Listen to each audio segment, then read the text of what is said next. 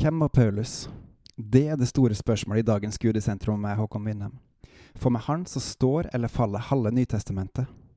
Uten han faller faktisk også Jesus, for Paulus utfyller mye av det Jesus sa.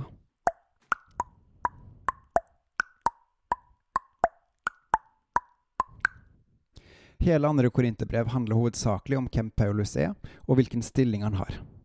Dette kommer til å være fokus framover.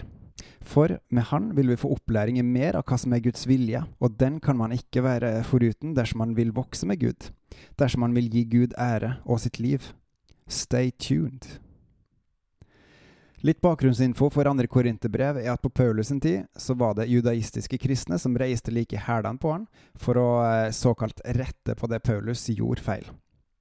Paulus var jo hedningenes kristne misjonær, og som apostlene og de eldste i Jerusalem bestemte, var jo kristne frie fra loven, tuktemesteren Moseloven, gjennom Jesu offer på Golgata og seier over døden.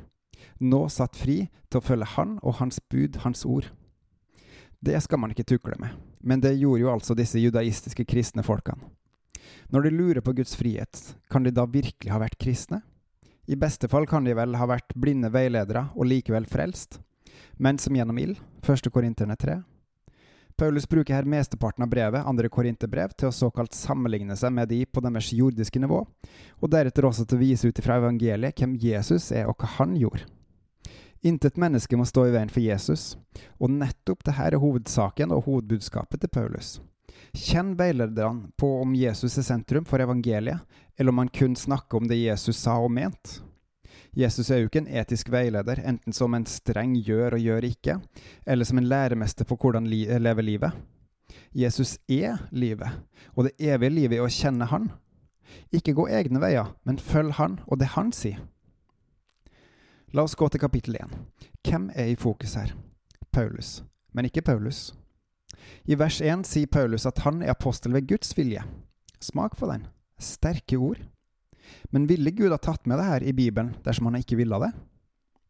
Det disse folkene i Korint her opplevde, kan sammenlignes med trengsler av falske lærere som sprer inn tvil om evangeliet blant de troende, og folk beit på. Så også i dag, vi har vel bl.a. noen biskoper her i landet som blåser opp eh, tomme på egen stilling og ikke Guds ord Jesus. Når hørte du sist en biskop snakke om Jesus som Bibelens Jesus, Guds ord, og ikke som en Jesus preget av tida vi lever i? Vi må slutte å høre på blinde veiledere i store kapper, heller lære oss å kjenne igjen evangeliet, det sanne livet i Jesus.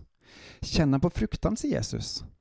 I første halvdel av første kapittel er det nettopp denne konflikten, trengselen, som er fokus for menigheten.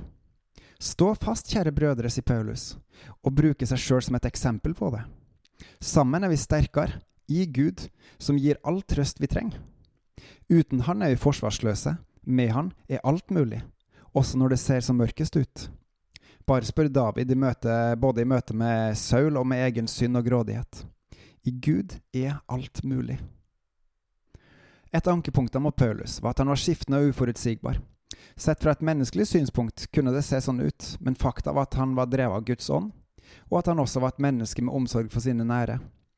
Paulus gjorde garantert feil, og det er interessante passasjer i begge korinterbrevene der hans egne meninger kommer fram. Og samtidig var han Guds apostel, til hedningene. Var han uforutsigbar og skiftende, så var det fordi at han lot Den hellige ånd styre veien hans så ofte han ville. Akkurat slik Jesus også gjorde, drevet av Den hellige ånd. Og nettopp det her er dagens hovedbudskap. Følg ikke Paulus, men følg Paulus' ord om Jesus, sannheten, veien og livet, og lev med han. I han er livet, hvis du følger han. Skal du følge han, må du også følge Paulus' ord om han. For han var drevet av Den hellige ånd. Ved Guds vilje, Jesu Kristi apostel. Hold fast ved Jesu ord, også gjennom Paulus.